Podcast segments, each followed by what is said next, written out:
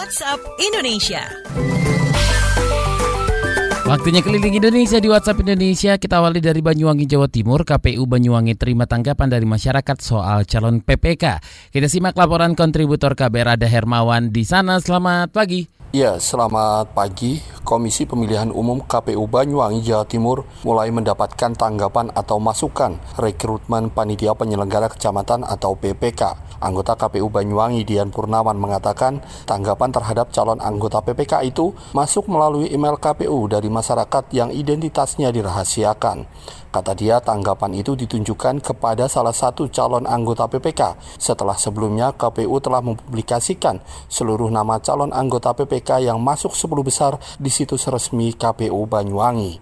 Kata Dian, untuk selanjutnya KPU Banyuwangi akan melakukan klarifikasi langsung ke calon anggota PPK yang mendapatkan tanggapan tersebut. Selain itu, KPU juga akan menyelidiki langsung kebenaran dari tanggapan yang masuk tersebut.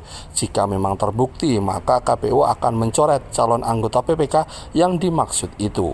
Demikian dari Banyuwangi, Hermawan melaporkan untuk KBR. Terima kasih Hermawan. Terakhir kita mampir ke Balikpapan. Kalimantan Timur. Bepom Kota Balikpapan edukasi masyarakat untuk cek kemasan. Kita simak kontributor KBR ada Teddy Rumengan. Selamat pagi.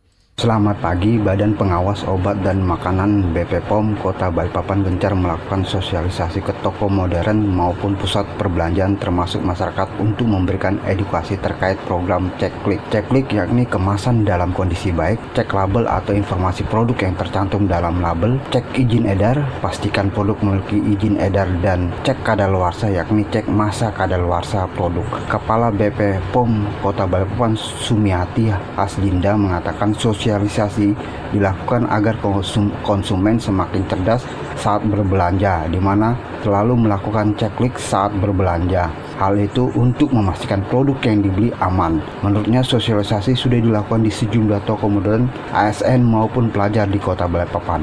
Dalam waktu dekat juga akan melakukan sosialisasi di pusat perbelanjaan terbesar di kota Balikpapan.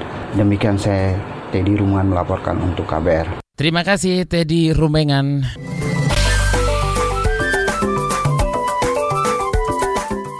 WhatsApp Indonesia.